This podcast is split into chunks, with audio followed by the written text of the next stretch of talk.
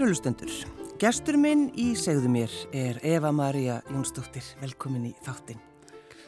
Verður maður að drekka te ef maður stundur jóka? Maður verður ekki að drekka te, það er samt góð stemming í því, að ég myndi mæla með því að drekka te. Það drekka í allir te, er það ekki, sem að... Stunda jóka? Ég, ég er aðhæfa, sko. Þetta fer oft saman. Ég meina, eftir jókatíma þá er yfirleitt búið að útbúa te fyrir nefndunum þannig að ef þeir hafa tíma og vilja þá geta þeir stoppað og fengið sér te og spjallað eða bara setið saman í þögn. Já. Af hverju fórstu í að læra jóka kennaran? Já, ég þurfti bara á því að halda á þessum tífampunkti. Ég held að ég hef verið ansi blind eins og kannski verið mörg á bara streytuna í mínu eigin lífi mm. og ég náttúrulega tignaði vinnuna mína og dýrkaði dugnað og, og, og fannst ekkit viti öðru en að vera alltaf að yðja sístarfandi og síðan gæti maður bara kvílt sér á nóttinni og þetta væri bara mjög einfalt Já. og ég er náttúrulega svona, þurfa að bakka svolítið með þetta, þetta þessa sín mín á lífið að því að bara streytan fór einhvern veginn að að breyta lífsgæðum hans mm. að taka þau burt sem að hérna, maður taldi sjálfsagt maður byggi bara á hvern lífsgæði og maður væri bara heilsusöstur og glæðri sinni og svona en svona síðan ég hætti hérna á Rúf þá hefur verið rúmur áratugu þar sem að hafa verið bara aldrei miklar áskoranir í persónlega lífinu veist, ég hef verið að glíma við hérna, náinn aðstandandi hefur verið með alvarlegan sjúkdóm, stigvestnandi mm. Veist, maður tekur því auðvitað en maður átt að sé kannski ekki á því að þegar árin líða þá, þá verður til spenna sem eiginlega losnar ekki þegar aðstæður eru svona. Og ég veist sem við fengið mjög marga gestir sem að hafa einmitt vitnað um að þegar eitthvað svona langvarandi erfitt ástand er mm. þá gerist eitthvað í skroknum á manni og auðvitað í bara í, í sálinni. Þannig að ég hérna misti sérst pappa minn uh, síðasta á, þar síðasta ári og þegar hann fellur frá þá áttæði mig á því hvað hans veikindi höfði haft rosalega mikil áhrif á mig. Og þá, og hann deyri mitt um það leiti sem að ég er að útskrifast úr jókakennaranóminu þannig að þetta er, en, engar tilvíljanir sko.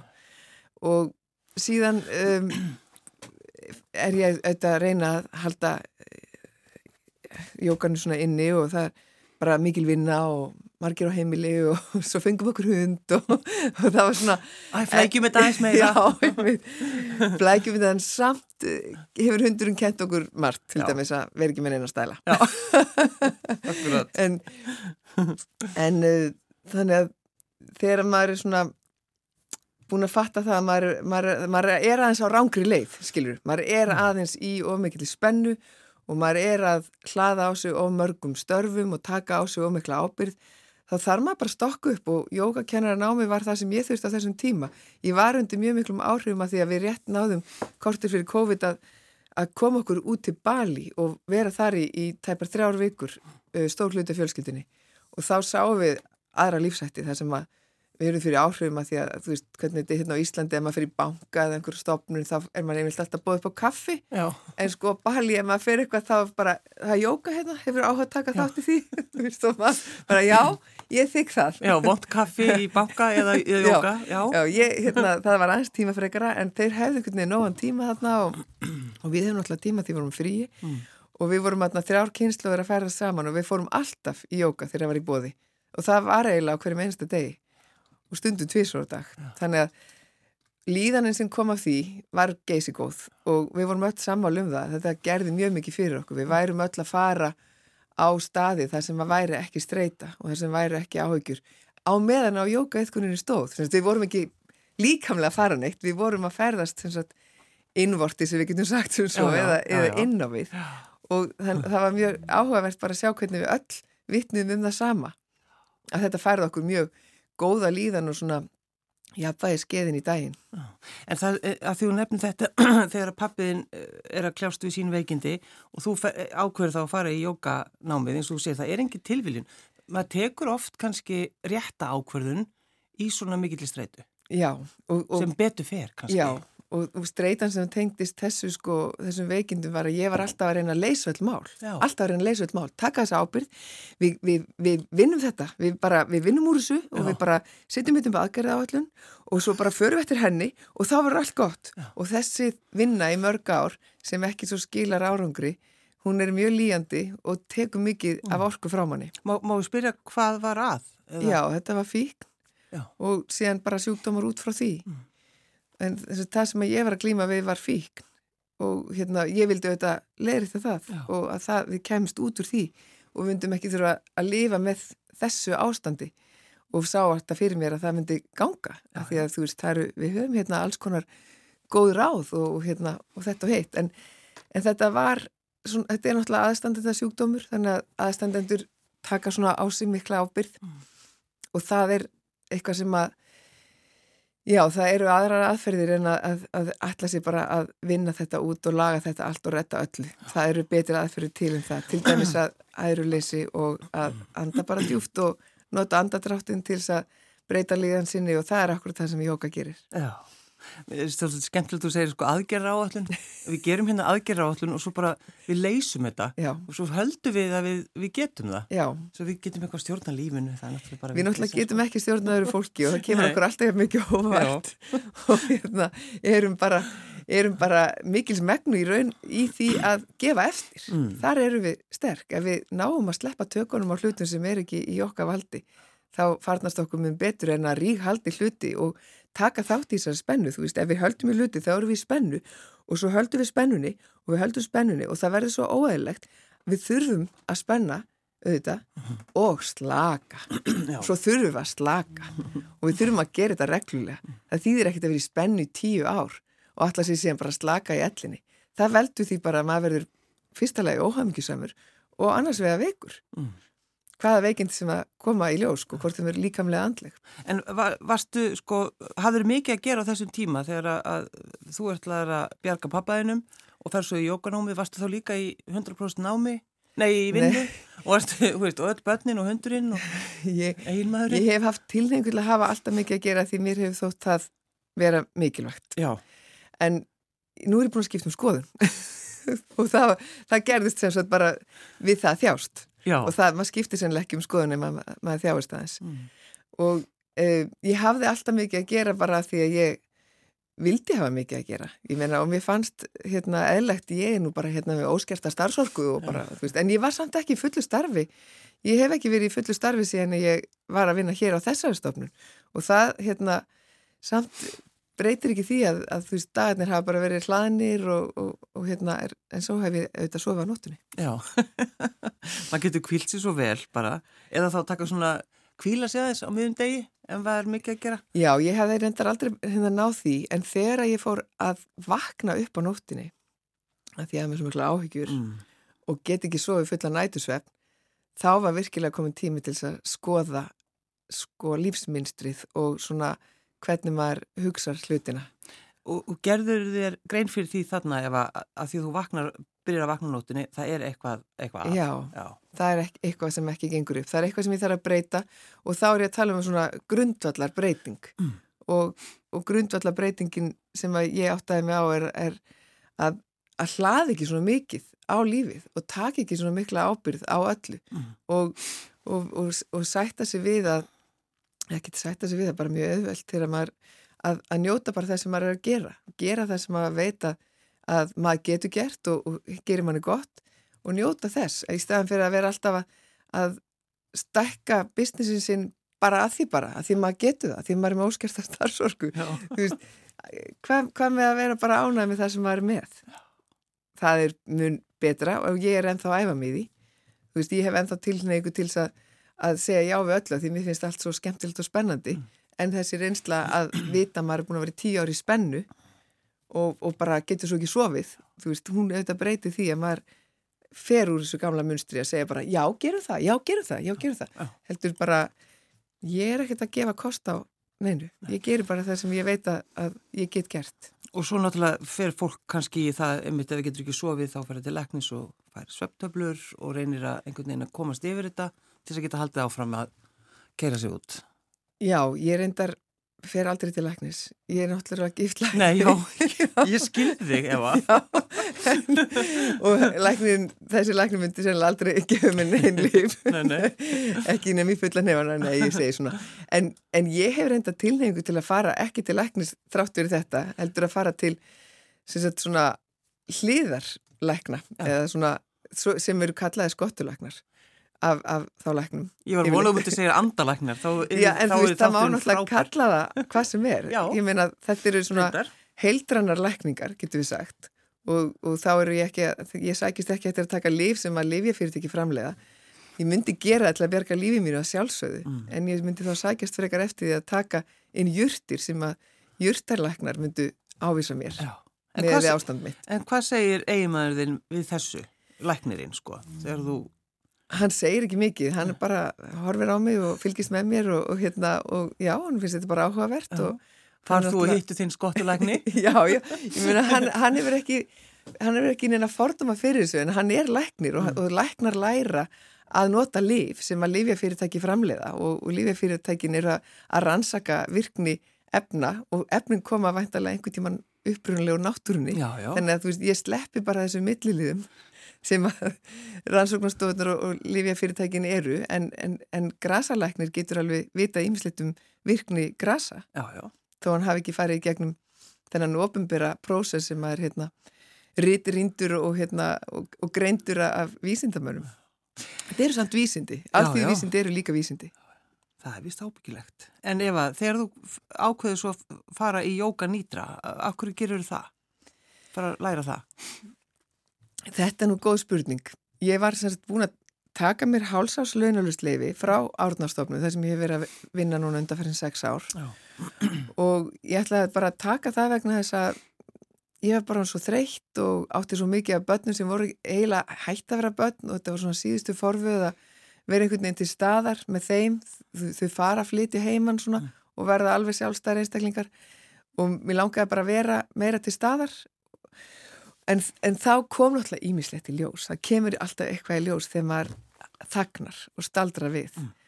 Og þá, þá áttaði mig fyrst á þessari rosalegu spennu sem að maður er búin að lifa við og þó að ég hef farið í jókakennanámi sem að síndi mér alveg ímislegt Mm. þá, þá til dæmis þegar ég tók þetta frí þá áttaði mig á því, já það er mun betra að vera að mæta til dæmis til að kenna jóka en maður er ekki að skjótast úr vinnunni í hádeginu. Nei. veist, að búa til rosa stress að skjótast á bílnum og keiri gegnum bæinn og lenda mörgum rauðum ljósum og, og gefa svo í hérna, það, já, það, maður sá svona rugglið í því. Já. þannig ég segi, já, það, þetta gefur mér rými til að, að kenna jóka á allt annan hátt þú veist, ég bara taka sér þann tíma og það, það rými sem maður þarf. Og svo, svo fór ég að hérna skoða svona fólki í kringum mig og mér finnst margir í kringum mig og örglega bara ég sjálf líka þó maður sé örglega alltaf blindastur á sjálfan sig vera svona hrjáður af lífsáttum okkar. Og það er svona þú veist bara kvíði, þunglindi ymitt, svefnvandamál og alls konar svona krángleikar sem er að herja á okkur. Og þess vegna fór ég að skoða Jóka Nýtra sem er frábært ymitt til þess að vinna gegn þunglindi og kvíða og svefleysi. Ekki það að maður sé sem sagt að, að setja fólk í svefn alltaf í Jóka Nýtra því að þetta er þannig hugsað að þú- líkaminn er í kvíld, fullkominni slökun en, en vitundin okkar er vakandi.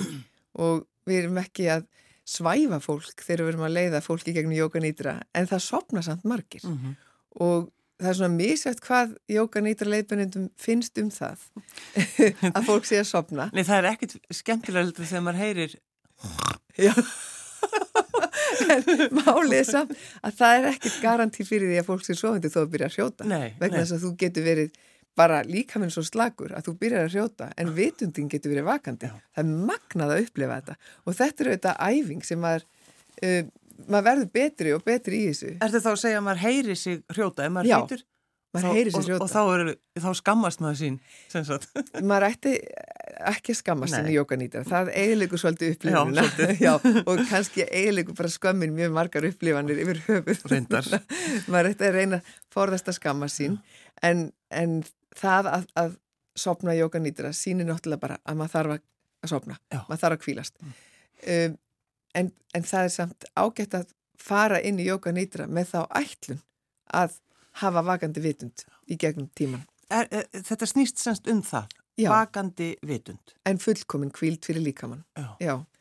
Þetta snýst um að fara á, ég geti eiginlega ekki kallaða stað, en að fara inn í þögnina handan hugans. Vegna þess að hugurinn okkar er rosalega aktífur og eru þetta mjög mikilvægt uh, verkfæri fyrir okkur og e ætti að vera eins og í okkar þjónustu en stundum verum við komin í þjónustu hugans. Mm -hmm. Hugurinn er að stjórna okkur og hann er að segja okkur allt mögulegt og hvað við erum að gera og hvernig við erum að taka á eins og veist, að gera aðgerar á allanir og fylgja þeim. veist, það er hugurinn. en hérna, uh, hugurinn er með svo mikið læti að við þurfum að gefa honum verkefni til þess að róa hann og besta verkefni til þess að gefa huganum er að anda og fylgjast með andadrættinum. Seti hérna í lítið verkefni, fylgst þú núna með þegar við öndum inn svo teljum við upp á fjórum og svo öndum við út og þetta er alveg fullt verkefni fyrir hugan mm. og þar með róast hann og þar með förum við úr þessum öru heilabilgjum sem við erum í til dæmis núna, við erum hérna í beta heilabilgjónum og við lokum kannski augunum og byrjum að draga andan og fylgjast með honum og þá föllum við strax nýri alfa heilabilgjunar mm. og þær eru róleri og þaðan getur við síðan komist niður í þetta heilabilgjunar sem eru mjög rólegar. Og á þessum, uh, með þessa virkni í heilanum tekst okkur að, að slaka raunverulega á og kvíl okkur. Og þarna getur líka með fengið tækifæri til að vinna út alls konar hluti sem að þarf að vinna í að heila okkur, mm. hvort sem það er á andlega eða líkamlega sviðinu að því að líkaminn er ekki upptekinn við allt sem við erum að gera og, og hugurinn er heldur ekki upptekinn. Þetta er allt í, í ró. En hvað tekur svona langan tíma að þjálfa sig upp í að, að þetta gagnist manni að fara í jóka nýtra, Eva, Marja? Það er örgulega mjög mísjáft það er örgulega mjög mísjáft hvað við erum hátt strengt og hvað við erum með ríkjandi betabilgjur eða svo ég tala ekki bara um gammabilgjur þegar þú veist það er eins og segja downloadast onni okkur eða hlaðast onni okkur vilneskan en það, það fyrir mig var þetta svona alveg uh, tvísvar á dag í svona á þrýða degi þá, þá fann ég raunverulega breytingar mm. en þá er maður líka er maður að verja kannski 45 mínútum tvísvar á dag þetta var náttúrulega þegar ég var í náminu mm. en ef maður er bara núna ekki byrjar á neinu og langar til þess að upplifa jóka nýtra og ávinningin af því þá myndi ég bara byrja að gera þetta daglega. Og, og þetta tekur svona 45 mínútur mm. með öllu. Og ég hugsa að í lókvikuna væri maður að fara að finna raunverulega breytingu á hefnisinni til þess að slaka. Þannig að þetta tekur ekki mjög langan tíma. Og svo er frábært að maður getur síðan stunda þetta.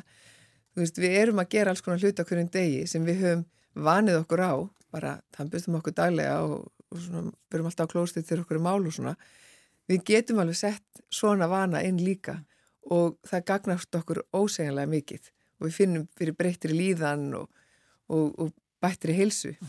En þú, eins og þú nefnir að stökka sko í vinnunni, fara í jóka veist, um, um, í, hátteginu, þetta er náttúrulega svo galið en þetta er það sem við gerum, veist, við erum á stanslösum hlaupum. Já, sem er áeiginlega óþólandi. Já, þetta gerði ég og held að þetta væri, myndi bæta líf mitt en, en hérna, og þú veist, þetta kannski er betur en margt annað en, en þetta er samt ekki alveg ídeal það er, það er ídeal raunverulega hæja á. Það, og það gerir maður auðvitað bara með því að að hérna taka út hluti. Og það, ég heyrði sen Bútamunk, hann held svona ræðu á bara livestream mm -hmm. eða í streymi núna um helgina. Og það var svo fallit hvernig hann sagði að þegar við förum inn á andlega leið þá halda margir að við öðlumst svo margt.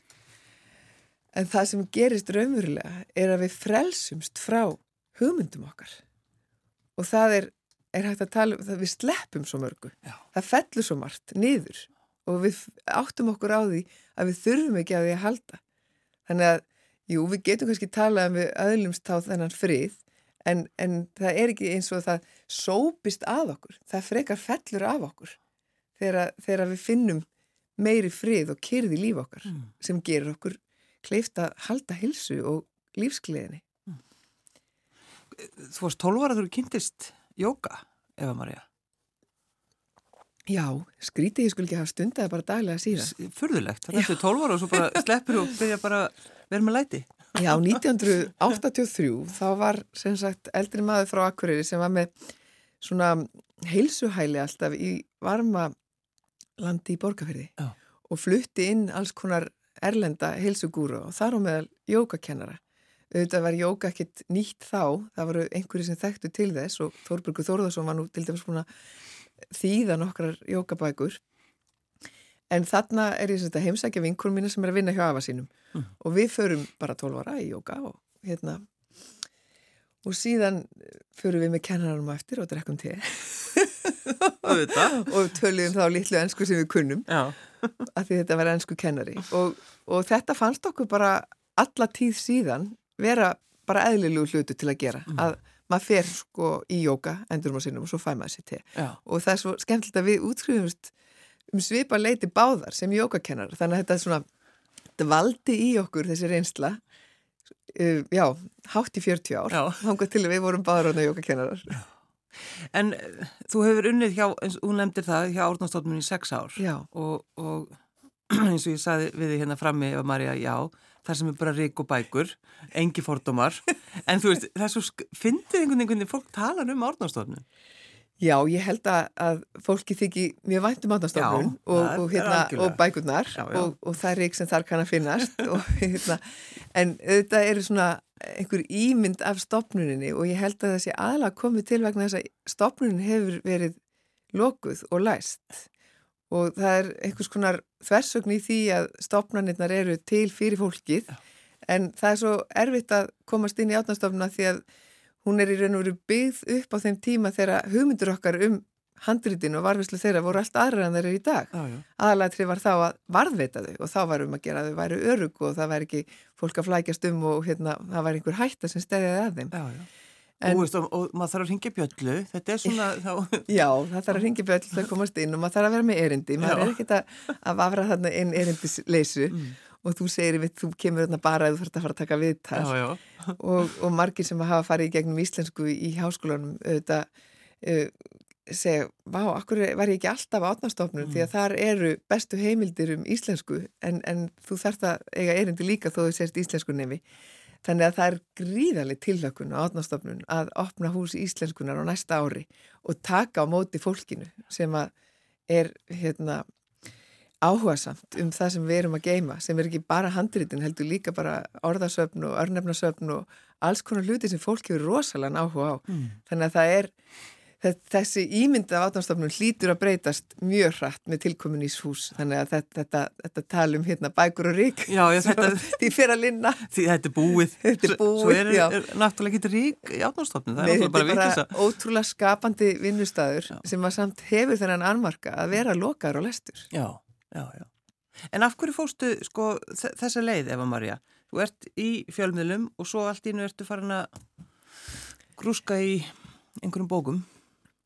Ég var rosalega lengi að klára B.A. í bókmyndafræði. Ég var alveg 17 ár frá Já. því ég byrjaði þangað til ég skilaði rítgerðinni. Mér finnst bara gott að skuli tala um því það eru margir þarna úti sem eru, eru á Og- leiðinni. Alls ekki að skama sín eitt fyrir að- að hafa svona hluti í dvala. Nei, þú er búin að segja okkur það, við eigum ekki að skammast okkar Nei, fyrir og, neitt. og ég skamast mín ekki neitt fyrir þetta þó ég hafi kannski gert það á köplum. En, en þegar ég var sagt búin að klára B.A. þá eh, í rítgerðarskrifanum kviknaði svo mikill áhugi á fornbókmyndunum Já. og á Íslendingasögunum og ímsu öðru sem að við eigum Íslendingasögunar er náttúrulega bara frægastar en svo eigum við náttúrulega rosalega mikið að rýmna handritum þannig að þegar ég hætti hér þá ákveði ég að fara í nám og hérna og, og já, ég reyndi svona með vinnu þetta gengur aldrei neitt almennilega með vinnu þannig að ég bara hætti og fór í námið og, og kláraði síðan MA í miðaldafræðin Mm.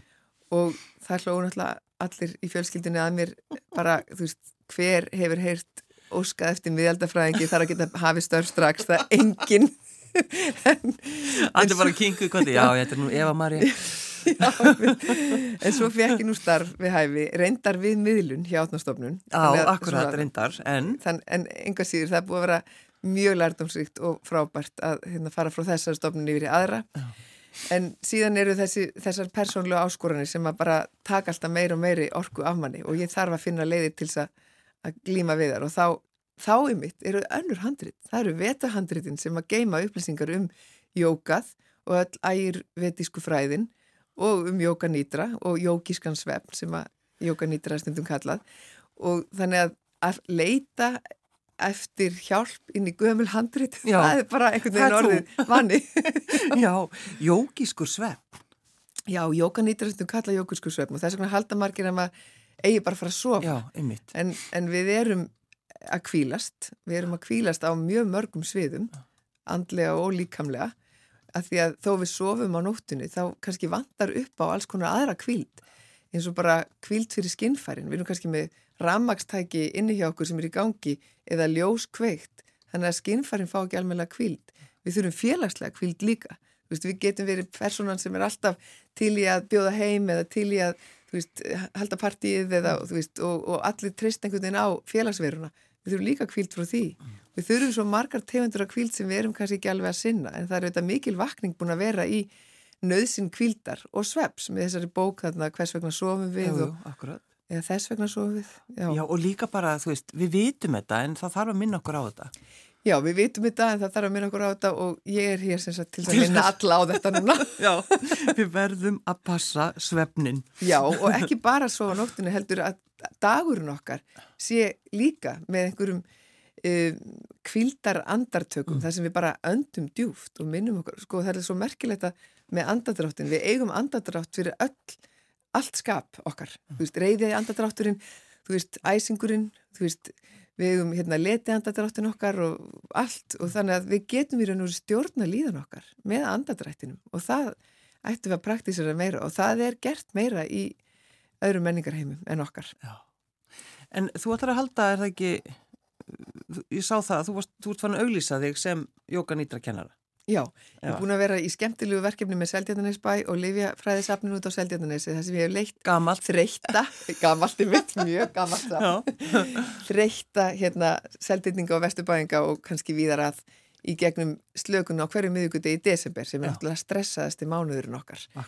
Og, og í kjölfara því langaði mig til að halda annan námski þar sem ég væri að segja fólki aðeins meir um hvað er að gerast í líkamannum þegar við erum að fara í gegnum jóka nýtra og þá myndum við vera daldil fræðsla og svo myndum við gera nokkra jókastöður því það er náttúrulega bara líka gott fyrir líkamann og undibúa líkamann að taka á móti kvildinni og svo enda með að fara í jóka nýtra og þetta námskeið er bara orðið fullt. Já. en það er hérna annan námskeið í dans og jóka sem er í miðugudarshátegi sem er stittra á svona meira Skrepp á bílnum? Já, já akkurat, fyrir þá sem geta skroppið alveg róleir á bílnum jú, jú, úr vinnunni Neini, svo er þetta fólki alls konar vinnu Já, já. Og ekki vinnu? Nei, nei, akkurat, einmitt. En, en að þú, sko, þegar við erum að tala um þetta, maður er sko blindur á sína eigin streitu. Já. Það er kannski, veist, getur við bara hugsað, við verðum bara að fylgjast með líkamannum, að fylgjast með, en, en gerum það einhvern veginn ekki?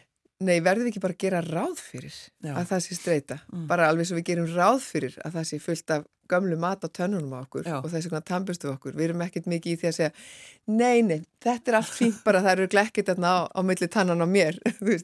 við tampustum okkur alveg sama hvað og það verðum við ekki bara að gera ráð fyrir að við þurfum tíma mm. til þess að kvíla okkur og það er ekki alltaf að tala um sofa. Nei, nei, nei, nei til þess að slaka og gefa eftir og það nýtist okkur bara mjög mikið í daglegu lífinu að mögulega vera ekki að fara inn í alls konar hluti sem að er ekki okkar að leysa.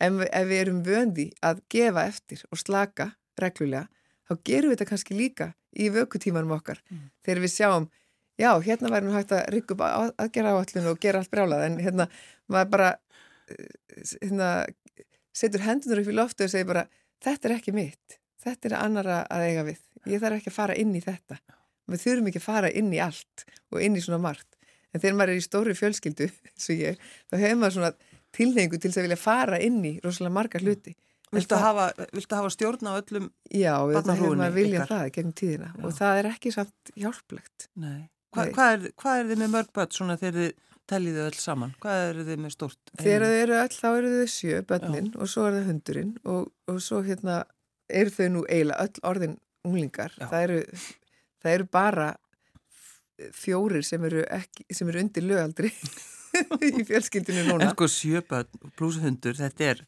meirinn að segja það. Já, já, en, en það, þú veist, er það mjög lærdomsvíkt, þú sér mm. það, ég hef bara búin að snúa baki við dugnaðardýrkun minni og hef bara opnað augmín fyrir því að allir þurfa að kvíla sig og ef ég get hjálpa fólki að kvíla sig ja. og þá er ég náttúrulega líka bara að hjálpa sjálfur mér í leðinni að mun eftir þessu, að, að gefa eftir slaka og, og veri ekki allt í öllu allstaðar Heldur þú þetta bara taki yfir jókað? Heldur þú, þú ert náttúrulega vinna í árnástofnun En sko, um, hvernig, ertu, ertu duglega að plana? Já, ég, þú veist, ég er ekki kannski lélega að plana, en plönin ganga ekkert endil eftir. Nei, er ekki alltaf að nýsa? Jú, ég, mér finnst samt alltaf lægi að gera plön og þau, þau ganga ekki eftir. Mm. E, þú veist, núna er til dæmis allir nýbúin að vera að setja sér áramönd og heiti, eða kannski ekki allir, það er alltaf líka alveg helmingurinn af fólkinu sem er algjörlega andsnúið að setja sér áramönd og heiti. Mm en það þá kannski vegna þess að það er svo óþægilegt að gera eitthvað svona heit og svo gengur það ekki eftir en það er bara svo áhugavert hvað, hvaða heit vil maður setja sér ah. alveg sama svo hvernig gengur með það og við ættum ekkert að vera feimi við að setja okkur eitthvað heit og, sjá svo bara til hvernig gengur mm. og kannski er, eru bestu heitin þau í mitt að slepp einhverju frekarna tróða einhverju enn einu inn í líf okkar. Kannski myndi það ganga betur. En það er, svo, það er nefnilega svo skemmtilegt þegar maður er að hugsa um þetta, þú veist, það gerir eitthvað svo leiðis einmitt einhver heit og svo mistakst það og þá skammast maður sín og þetta verður bara, þetta fer bara út í einhverju vitlisu Já, það er nefnilega leiðinda hérna ringur sem Já. við ættum ekki að taka þátt í meira. En mín plön ganga svolítið út á að, að bara fara aftur til náttúrunar veist, það er svona stóra myndin eins og ég sé þetta. Ég, ég sé fyrir mér, ég muni bara fara út í að planta trjám mm. og þú veist, dreymir um að geta einhver tíma gengið um í skógi sem ég hef plantað og þú veist, þetta er ekki flóknir hlutir, þetta er rosalega basic hlutir en, en það væri ótrúlega gaman að fá að upplifa það í þessu jarlífi að, að, að maður hafi plantað trjám og svo getur maður, þú veist, gengið á millið þeirra. Mm. Er þetta ekki mjög lítil þæg ósk fyrir framtíðina? og mér sé að þú veist, hún, hún, hún klúrast, hún mun ekki klúrast, ég held ekki. Nei, nei, kannski ekki en, en hérna, þetta skiptir einhver máli að ég segi bara það er svo mikilvægt að hafa drauma Já. því að veist, þeir eru kannski mikilværi heldur en að þeir rætist að eiga sér bara draum og ég veit alveg að að jókaði komi núna til með að vera þú veist, Já. þó að það hafi tekið hann alveg næstu í 40 ára að, að setjast inn þá, þá finnum maður bara svo góða líðan af því að stunda þetta og, og ástundunin svona smitast alltaf meira og meira út í lífið manns af því að margir halda þú veist einhvern veginn að jókar séu einhverju einbúar sem eru bara alltaf að jóka og búi bara út í skógi og, og lifi bara í náttúrunni og það sé best sko þá sem maður án alveg jóki. En allir svona jókakennarar eða mentorar myndu segja uh, endilega geri jókað og takið það síðan með ykkur til samfélagið og leifið samfélagfólk ykkar að njóta þess sem að gerist þegar að jóka fer að hjálpa ykkur í lífinu. Það hjálpar ykkur með samskiptin, það hjálpar ykkur með skapið, það hjálpar ykkur að vera goða fyrirmyndi fyrir börnin ykkar og, og ekki einangur ykkur og halda jókanu fyrir ykkur sjálf. Heldur bara dreifið því og leifið fólki að njóta þess. Mm. En svo eru þetta alls konar líka talandi sko um fordóma fyrir hérna því átnastofnun sér ríkvælinstofnun og svona þú veist það er alls konar fordama gagvart jóka það sé allt svo spes fólk og, og svo heipalegt og, og allir eitthvað svona yfirborslegt kærleikskæftaði og eitthvað svona. Þú Já þú sagði þetta, ég sagði þetta ekki. Ég, ég segi þetta bara til að hjálpa Já, hérna, þeim sem eru að glýma við þessar hugsanir núna. En, en raunverulega sko grunn tilfinning allar tilfinninga er kærleikurinn og allar aðra tilfinningar eru einhvern veginn sprotnar af kærleika eða skorti á kærleika. Þannig að það er ekkit, það er ekkit hippalegt eða, eða, eða fylgin einum ákveðinu tísku að vilja rækta kærleikan á jörðinni. Það er náttúrulega bara það sem að margir er að reyna að gera og kannski flestir, allir á sinn hátt og jóka er frábær leið til þess að gera það mm. vegna þess að hún er marg reynd og marg sönnuð að því að eldstu rítin er svo gömul þá vitum við að mannfólki er búið að vera að, að leitast við sömur hlutinu að við erum að leitast við í meirinn 2000 ára og meirinn 3000 ár. Eva Maria Jónsdóttir, takk fyrir að koma. Takk. Mangalam Bhagavan Vishnum